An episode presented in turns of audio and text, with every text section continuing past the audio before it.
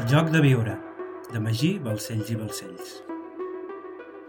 Epíleg 4 de setembre de 1923 Joan Antoni Güell i López paga el deute de joc a Primo de Rivera, un deute que no era petit. Atès que no tenia prou diners i va haver de demanar un crèdit juntament amb el seu germà. Un cop pagat el deute, el comte de Güell va anar a veure Primo de Rivera i li va dir «Miguel, tienes que levantarte. Esto no tiene aguante. No te queda más remedio que lanzarte a dar el golpe. 13 de setembre de 1923. Un quart i mig d'una de la matinada. Miguel Primo de Rivera i Orbaneja, marquès d'Estella, després de saldar el seu deute de joc i haver aconseguit el suport de la burgesia catalana, proclama la llei marcial a Barcelona i ordena als militars que ocupin els carrers i els edificis clau de la ciutat i de la resta de capitals catalanes. A les dues de la matinada, reuneix a la premsa catalana i els lliura un text perquè en facin difusió.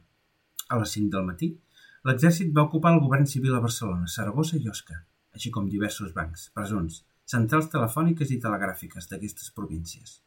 Uns minuts després, el rei Alfons XIII, de vacances a Sant Sebastià, va ordenar al cap de la seva casa militar, el general Joaquim Milans del Bosch, que esbrinés quina era la reacció dels principals generals del país, i aquest va transmetre a sa majestat amb contundència i seguretat que tots els militars li havien dit que farien el que sa majestat estimés més oportú. Durant tot el dia 13, trets els militars de Catalunya i d'Aragó, cap general es va pronunciar al respecte. Només els capitans generals de València i de Sevilla es van oposar clarament a Primo de Rivera, tot i que tampoc es van posar al costat del govern per defensar la legalitat constitucional. A més a més, a València, els governadors militars de Castelló i de València van prendre el control, neutralitzant així el capità general. D'aquesta manera, el gruix de l'exèrcit no es va pronunciar ni a favor de Primo de Rivera ni a favor del govern constitucional. Al seu torn, la resposta del govern va ser de total inacció, atès que només dos ministres s'oposaven frontalment al cop, mentre que la resta adoptaven, sobretot perquè la premsa no s'havia manifestat en contra de Primo de Rivera, més aviat al contrari, i fins i tot alguns mitjans com La Vanguardia hi van donar suport obertament.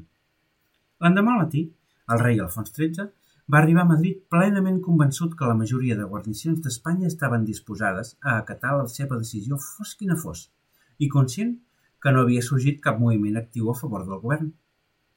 De tal manera que va fer avisar el president del Consell de Ministres, Manuel García Prieto, per mantenir una conversa amb ell al Palacio de Oriente.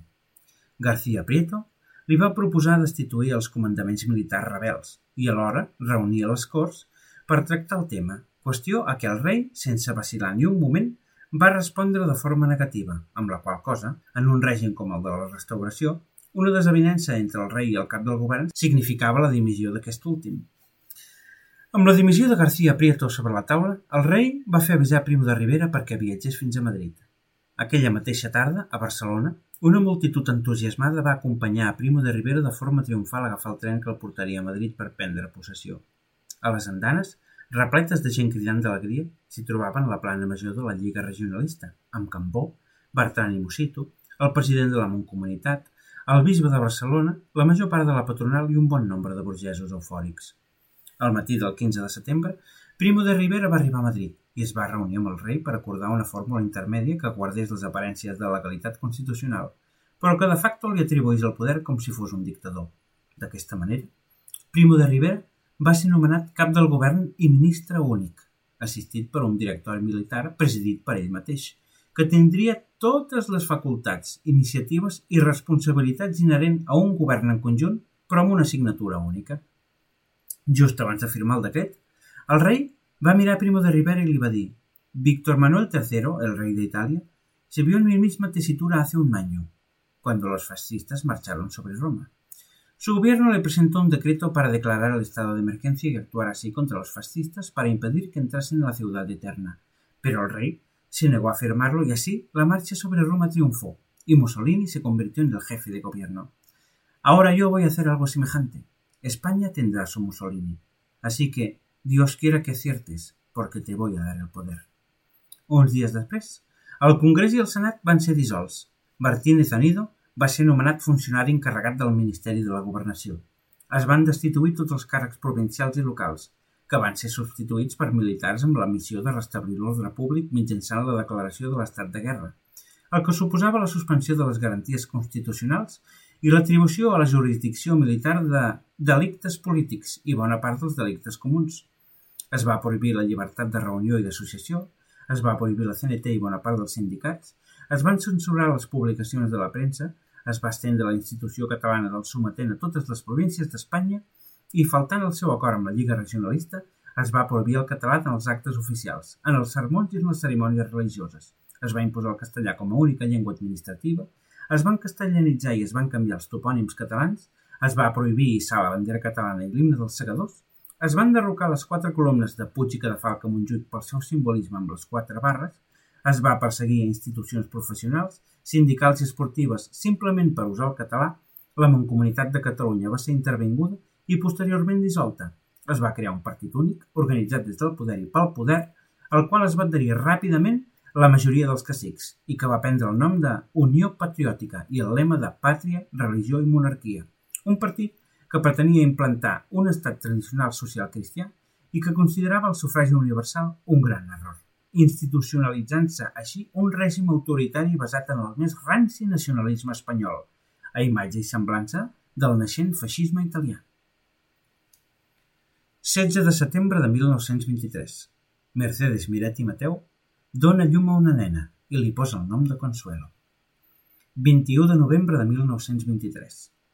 Alfons XIII i Primo de Rivera viatgen a Itàlia per reunir-se a Roma, primer amb el papa i després amb Víctor Manuel III i Mussolini, al Palazzo Venezia de Roma.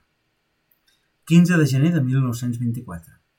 El règim de Primo de Rivera va recompensar a Arnaldo de Mercader i va ser nomenat diputat provincial de Vilanova Sant Feliu per part del governador civil i va passar a formar part de la Comissió d'Interessos Generals i de la Comissió de Cultura de la Diputació, una posició, juntament amb el seu càrrec de president de la Junta de Museus de Barcelona, des de la qual va impulsar les excavacions arqueològiques a la colònia grega d'Empúries i l'adquisició definitiva, per part de la Junta de Museus, de les pintures murals de les esglésies romàniques de la Vall de Boí. 17 de maig de 1924. Francisco Javier de Mercader i de Sofia és nomenat vescomte de Benlloc per Alfons XIII, en recompensa a la seva contribució a la grandesa d'Espanya. 26 de setembre de 1924. Joaquim Lleó Milans del Bosch i Carrió és nomenat governador civil de Barcelona per Primo de Rivera en recompensa pels favors prestats. Milans del Bosch desferma una campanya anticatalanista ferotge i clausura el camp del Futbol Club Barcelona i l'Orfeó Català a causa d'una xiulada a l'himne espanyol, suprimeix les entitats excursionistes i culturals i imposa suspensions i multes a diaris i revistes catalanes. 13 de març de 1925. Francisco Javier de Mercader i Sofia és nomenat governador militar de Sevilla. 26 de febrer de 1926. Èdit de Llaurador i Pla Carreras mor a la casa Ferrer Vidal del Passeig de Gràcia a l'edat de 56 anys. 2 d'agost de 1927. Matías Muntades i Rovira Mor a l'edat de 74 anys a la seva casa de l'Espanya industrial. La seva filla, Maria del Carmen Muntades i Estruc, hereda el títol de comtessa de Santa Maria de Sants. 16 de setembre de 1929. Primo de Rivera, cada cop més afectat de salut, allunyat del rei, amb una passeta depreciada i cada cop amb més opositors, presenta al rei un pla de transició que passava per la convocatòria d'una assemblea formada per 250 senadors i 250 diputats, però Alfons XIII no li contesta. 28 de gener de 1930. Després de perdre el suport del nacionalisme català, de les organitzacions empresarials i dels sectors intel·lectuals i universitaris, desenganyats amb el seu regeneracionisme conservador, Primo de Rivera, afectat greument de salut per diabetis, perd el suport de la cúpula de l'exèrcit i esdevé tan impopular que el rei Alfons XIII li suggereix la dimissió. Així, Primo de Rivera dimiteix el 28 de gener de 1930 i s'exilia a París. 26 de febrer de 1930. Joan Antoni Güell i López esdevé alcalde de Barcelona per la Lliga Regionalista i proclama, en nom del rei, el caràcter oficial de la bandera i de la llengua catalanes, símbols de la seva personalitat històrica nacional. Va decidir instal·lar al Palau Nacional de Montjuïc el museu que estava ubicat fins aleshores a la Ciutadella, que esdevindria Museu Nacional d'Art de Catalunya. 16 de març de 1930. Primo de Rivera mort de diabetis a París. Va ser enterrat al cementiri de Sant Isidro de Madrid. 13 de juliol de 1930. Anna Jové i Peix mor a l'edat de 73 anys. 13 d'agost de 1930. Carme Estruc i Malet mor als 73 anys. 20 de setembre de 1931. Ramon Godó i la Llana mor amb 67 anys. El títol de comte de Godó i la Vanguardia passen al seu fill, Carlos Godó i Valls. 29 de juliol de 1932. Després d'una llarga malaltia, Arnaldo de Mercader mor amb 80 anys al Palau Mercader de Cornellà de Llobregat. Va ser inhumat davant l'altar de l'església de Sant Andreu del Far. Sense descendència, tots els seus béns van passar a la seva esposa Paulina i el títol de comte de Belllloc va passar al seu nebot, Pedro de Mercader i Bonfill, que va ser assassinat pels rojos el juliol de 1936. 25 de setembre de 1932. Francisco Javier de Mercader i Sofia mor a l'edat de 71 anys, al seu domicili del carrer Santaló. És enterrat al Panteó Llorac del cementiri de les Corts. El seu fill, Pablo de Mercader i Llorac, el va succeir com a vescomte de Belllloc. 5 de març de 1933. Antoni Maria Jové i Vilanova mor amb 63 anys a Cambrils, a la residència de la seva filla. Va ser enterrat al cementiri municipal. 29 d'octubre de 1933. José Antonio Primo de Rivera, el fill del dictador, funda el partit polític Falange Espanyola, prenent com a emblema el jou i les fletxes. 10 de març de 1934. Josep Batlló i Casanovas mor a la casa Batlló del Passeig de Gràcia amb 79 anys, després d'una llarga malaltia. 3 de juny de 1935. Joan Godó i Llucià mor amb 84 anys a Igualada. Va ser enterrat al panteó de la família Godó al cementiri d'Igualada. 9 de juny de 1935. Carlos de Santmenat i Santmenat Mor amb 73 anys i és enterrat al Panteó dels Marquesos de Castell dos Rius, a Dos Rius. El succeeix el seu fill Fèlix de Sant Manat i Güell. 31 de març de 1936. Lluïsa Llorac mor amb 64 anys al xalet del carrer Santaló i és enterrada al Panteó dels Llorac del cementiri de les Corts. El castell de Viure passa per herència al seu fill, Pablo de Mercader i Llorac. 15 d'abril de 1936. Lluís Ferrer Vidal i Soler Mor amb 75 anys a la casa Ferrer Vidal del Passeig de Gràcia. Va ser inhumat al cementiri de Montjuïc. 31 d'agost de 1936. Joaquim Lleó Milans del Bosch i Carrió és afusellat a Madrid per milicians antifranquistes. Va morir a l'acte amb 82 anys. 16 de gener de 1940. Amàlia Godó mor amb 79 anys a la Casa Batlló del Passeig de Gràcia. 16 de setembre de 1942. Fruit d'un càncer, mor Mercedes Miret i Mateu amb 48 anys. És enterrada al cementiri de Viure. La seva filla Carmeta es va casar amb Llorenç Balcells i Mestres, de les Piles, el 1941. La seva filla Consuelo va casar amb Ramon Cadens i Rosselló, també de les Piles, el 1948. I l'altra filla i fill van quedar amb Ramon Gasol uns anys més. 9 de gener de 1943. Maria Teresa Núñez del Pino i Quiñones de León mor amb 78 anys. 13 de setembre de 1943. Quan va néixer la Segona República, el cardenal Francesc Vidal i Barraquer va ser dels pocs eclesiàstics que van manifestar que el nou règim era producte de la voluntat popular lliure i pacífica i va fer amistat amb el president Niceto Alcalá Zamora i s'alegrà de l'Estatut d'Autonomia de Catalunya del 1932. Amb el cop d'estat del 18 de juliol del 36, els anarquistes el van perseguir i es va haver d'amagar al monestir de Poblet i posteriorment va ser empresonat a la presó de Montblanc. Gràcies a la intervenció de la Generalitat, va ser rescatat i conduït a Itàlia per la seva seguretat. Des d'allà, es va oposar als revoltats a Espanya i va denunciar el suport de la jerarquia de l'Església a favor del bàndol sublevat i es va negar a signar la carta col·lectiva de l'episcopat espanyol de l'1 de juliol de 1937 de suport al general insurrecte Franco, aquest fet li va comportar la impossibilitat de tornar a Catalunya. Després de l'ocupació nazi d'Itàlia, es va haver de refugiar a Suïssa, on va morir el 13 de setembre de 1943 amb 75 anys. 20 de gener de 1946. Antonio Bertran i Mosito mor amb 67 anys. 30 d'abril de 1947. El suport de Cambó al cop d'estat de Miguel Primo de Rivera i la persecució del dictador del tot rastre de catalanitat va significar un cop molt dur per la popularitat de Cambó i va suposar la decadència de la Lliga en el catalanisme en favor d'Esquerra Republicana de Catalunya. Quan es va produir el cop d'estat que va iniciar la Guerra Civil Espanyola, Cambó va marxar a l'Argentina, però, així i tot, va donar suport econòmic als revoltats feixistes. Va contribuir activament a la propaganda i a l'acció exterior dels sublevats. Va signar un manifest de suport a l'alçament feixista amb altres 100 catalans i va ajudar molts a fugir de la zona republicana. Els últims anys de la seva vida va viure a l'Argentina, exercint com a president de la Companyia Hispanoamericana d'Electricitat i envoltat d'importants casos de corrupció. Va morir a Buenos Aires el 30 d'abril de 1947, amb 71 anys. 12 de juliol de 1947, Maria Carbonell i Pic mor amb 73 anys a la casa de la seva filla Mercedes, la casa render de la Gran Via de les Corts Catalanes. 21 de febrer de 1950. Virgínia Xurruca i Dotres mor amb 73 anys. Va ser enterrada a la cripta Panteó dels Marquesos de Comilles, a Comilles. 2 d'agost de 1952. Domènec Cert i Badia mor amb 86 anys. 10 de gener de 1953. Paulina Pozzali i Croti mor amb 78 anys. Per les disposicions testamentàries d'Arnaldo de Mercader, Paulina va esdevenir la usufructuària mentre va seguir en vida. Però, amb la seva mort, tot el patrimoni dels comtes de Belllloc es va convertir en la Fundació Belllloc Pozzali, a excepció del Palau Mercader, la propietat més important dels comtes, que va passar a ser propietat del Vaticà. Va ser inhumada amb el seu marit davant l'altar de l'església de Sant Andreu del Far. 5 de setembre de 1954.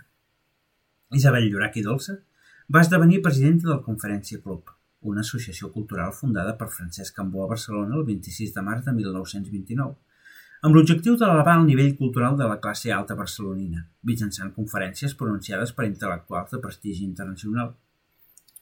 Des d'aquesta posició va portar a Barcelona destacades figures de la cultura internacional com André Moraes, René Benjamin, el comte Kaiserling, Ortega i Gasset, Josep Maria de Sagarra, Josep Pla, Ferran Valls i Taverner, Oleguer Junyent, Pere Bosch i Gimpera, Paul Valerí, Josep Poncaretti, Ludwig, Walter, Gropus, Juan de l'Antosca, Pedro Salinas, Ramon Gómez de la Serna, Gregorio Marañón, etc etc etc.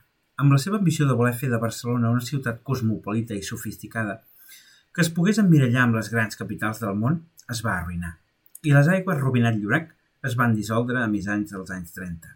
Isabel no va tenir més remei que vendre la casa Llorac, que va ser enderrocada, i en el seu lloc s'hi va construir un bloc de pisos on la senyora Llorac va passar a viure a les dues plantes superiors.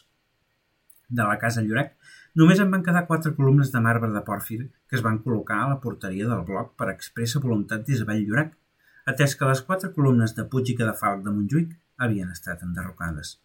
Finalment, va morir el 5 de setembre de 1954 amb 80 anys.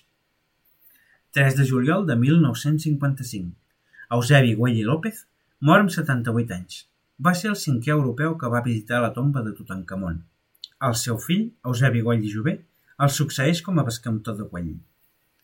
5 de maig de 1956. Isabel Güell i López mor amb 84 anys. És enterrada al Panteó dels Marquesos de Castell dos Rius, a Dos Rius. 11 de març de 1957. Josep Bertran i Mosito, en produir-se l'aixecament militar contra la Segona República, va recolzar els feixistes i des del País Basc va organitzar el Servei d'Espionatge Franquista a Catalunya, el Servicio de Información de la Frontera del Nordeste d'Espanya, que es va convertir en el Servicio de Información i Policia Militar. Amb la victòria de Franco, va tornar a Barcelona i va ocupar diversos càrrecs econòmics. Va morir l'11 de març de 1957 a la Casa Bertran, amb 82 anys. 3 de maig de 1957. Abelino Pérez Delgado va treballar per la senyora Isabel Llorac fins l'any 1933, moment a partir del qual va marxar a viure a casa d'una neboda, on va estar fins que va morir el 3 de maig de 1957, amb 88 anys. 10 d'agost de 1957. Consuelo Jové i Vidal mor amb 76 anys a la Torre Castanyer de Barcelona. 8 de desembre de 1957. Maria Cristina Güell i López mor amb 81 anys a la Casa Bertran de Barcelona. 17 de març de 1958. Exiliat a França des de l'inici de la Guerra Civil, Joan Antoni Güell i López va mantenir una postura clarament crítica envers el franquisme, defensant la seva coherència liberal i catalanista. En un diari francès va exclamar «Vaig marxar per no aixecar el puny i no vull tornar per no aixecar el braç dret» i quan va saber de l'assassinat de Lluís Companys, va escriure en el seu diari Companys va presidir i va governar Catalunya a les hores més tristes i més amargues de la seva història. Déu i la història jutjaran la seva vida. Nosaltres, catalans, no oblidarem mai la seva mort. Després de la mort de Virgínia, es va casar en segones núpcies amb Josefina Ferrer Vidal i Parellada, neboda de Lluís Ferrer Vidal. Finalment, després de molts anys d'exili, va retornar a Mallorca i va morir a Cala d'Or el 17 de març de 1958, amb 84 anys. 22 de desembre de 1964. Guillem de Pallejà i Ferrer Vidal mor amb 75 anys. Va ser enterrat a la cripta de l'església de Sant Cebrià de Vallalta. 14 de setembre de 1966. Pablo de Mercader i Llorac ven el castell de viure a una companyia francesa. Els mobles del castell són portats a França i el castell queda abandonat. 3 d'abril de 1968. Mor Andrés Guitín Hernández, amb 91 anys. 27 d'octubre de 1972. Clotilde Ricart i Roger mor amb 83 anys. Va ser enterrada amb el seu marit a la cripta de l'església de Sant Cebrià de Vallalta. 26 d'agost de 1991. Mor Ramon Gasol Voladeres amb 97 anys. És enterrat al cementiri de Cunit, on s'havia desplaçat a viure amb la seva filla petita. 9 de maig de 1993. Durant la festa major de Viure, després de la tradicional pujada a Sant Miquel de Montclar, un grup d'amics de les piles es disposen a fer una paella a l'aire lliure, just al costat del castell de Viure per la part del darrere, en el lloc que antigament havien estat els jardins. Després de dinar, mentre els joves juguen a pilota i els grans continuen fent sobre taula, tres nens d'entre 11 i 9 anys es disposen a escalar per la muralla del castell, tal com cada any feien els seus germans grans, amb la pretensió d'entrar al castell abandonat per una finestra. Segur que podrem entrar? Va dir el nen més gran. El meu germà Ricky entra cada any amb els seus amics, va contestar el més petit. I si ens veu algú? va dir el mitjà. El castell fa molts anys que està abandonat, ningú ens dirà res, va dir l'altre. Va, eh, posa el peu en aquella pedra i tira amunt, va dir el més petit. Sense gaire dificultat, van escalar una part enderrocada de la muralla posterior i es van plantar a l'esplanada del castell, tot observant palplantats la bellesa d'aquell edifici. Van començar a rodejar-lo, observant les finestres, atès que els nens grans els havien dit que hi havia una finestra a la planta baixa on la reixa s'havia desprès i la fusta de la finestra estava tan corcada que havia caigut i, per tant, es podia entrar per allà. Després de donar una volta quasi sencera, van trobar la finestra i van entrar. «Uau!» va exclamar el primer que va entrar. «Hi ha una xamaneia immensa!» «Ah, sí, la meva àvia sempre m'havia dit que hi havia una xamaneia», va dir el més gran. «I la teva àvia com ho sabia?» va preguntar el Roset intrèpid. «Perquè va néixer a viure. De petita venia al castell cada diumenge després de missa», va contestar el més gran. «Eh, «Quina àvia?» va preguntar el més petit. «La Carmeta, la mare del meu pare. La padrina Carmeta va néixer a Cal Gasol de Viure. Eh, sempre m'explica coses dels senyors del castell. Els pares de la padrina treballaven pels senyors del castell a l'estiu i la padrina diu que el castell amaga una història misteriosa, va dir el més gran. No hi ha cap moble, va exclamar un dels nens. La padrina diu que els senyors del castell el van vendre uns francesos i que aquests van prendre tots els mobles, va dir el més gran. Van prendre els mobles i van abandonar el castell? va preguntar el més petit. Eh, sí, la padrina diu que només van venir per agafar els mobles. Des de llavors que el castell ha estat abandonat. De la sala de la xamaneia, plena de pols al terra, amb taranyins al sostre, la pintura de les parets desgastada i aixecada per la humitat, van seguir endavant, passant per un passadís amb diverses portes, un lavabo, un despatx i finalment una gran sala que estava totalment buida, sense cap moble, d'on tan sols en destacava, penjada a una paret, una gran àguila dissecada. Van pujar al primer pis, veient que hi havia ratpenats dormint en el sostre i passant amb certa por i pressa fins a arribar a dalt, on regnava la foscor més absoluta. Un dels nens va provar d'obrir un porticó de la finestra i al moment va entrar la llum, il·luminant aquella sala i observant una porta oberta que conduïa a una habitació on encara hi havia mobles. Hi havia un llit amb un sunyer de molles, sense matalàs, i tocant a la paret, un tocador amb un mirall molt brut. El més gran va intentar obrir un calaix i va trobar un petit paper a dins. El va agafar i el va mirar. Semblava un menú escrit en una llengua que el nen no va reconèixer. Hi havia nou plats, nou plats diferents, seguit per nou vins, i una data al final que deia 23 d'agost de 1923. Va girar el paper i va veure que estava escrit a mà amb una grafia clara i curiosa, que deia «En els propers plats no porteu deu ampolles, Porteu-les justes per omplir les copes. El nen va tancar els ulls i va deixar córrer la seva imaginació. Va visualitzar un banquet a la gran sala on havien vist l'àguila. Gent cantant i ballant, dones plorant, homes fumant, un gramòfon daurat, una taula immensa, un dit arrencat, una pistola, una dona morta a terra... De sobte va obrir els ulls, espantat, i va deixar el paper al seu lloc. Uns dies després, va començar a somiar de forma recurrent en aquell banquet del castell i va néixer en ell una immensa curiositat per la història d'aquell vell edifici. Va preguntar a la seva àvia, que hi havia entrat de petita, i a poc a poc va anar creant una faula en la seva ment que expliqués quina era la història d'aquell paper que havia trobat en el tocador. La faula i aquell somni el van perseguir durant anys i aquell nen va créixer i va anar alimentant la història d'aquell banquet que havia visualitzat al castell, un dia rere l'altre, de forma obsessiva, fins que, al final, es va decidir escriure el que havia imaginat en un llibre. El joc de viure, de Magí dels Cells i Balcells.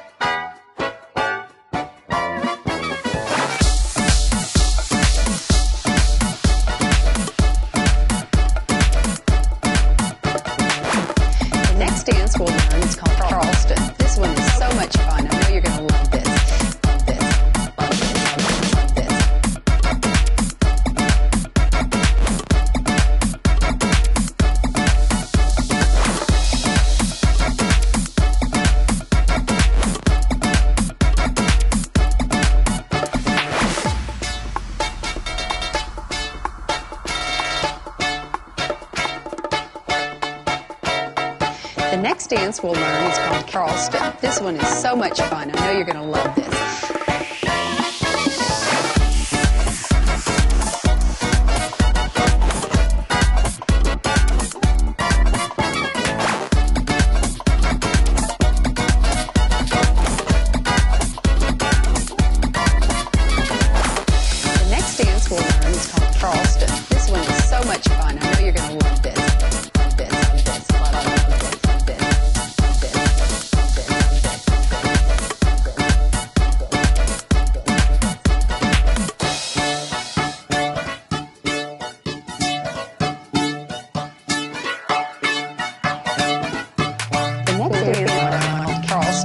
This, is fun. I know you're, to love it.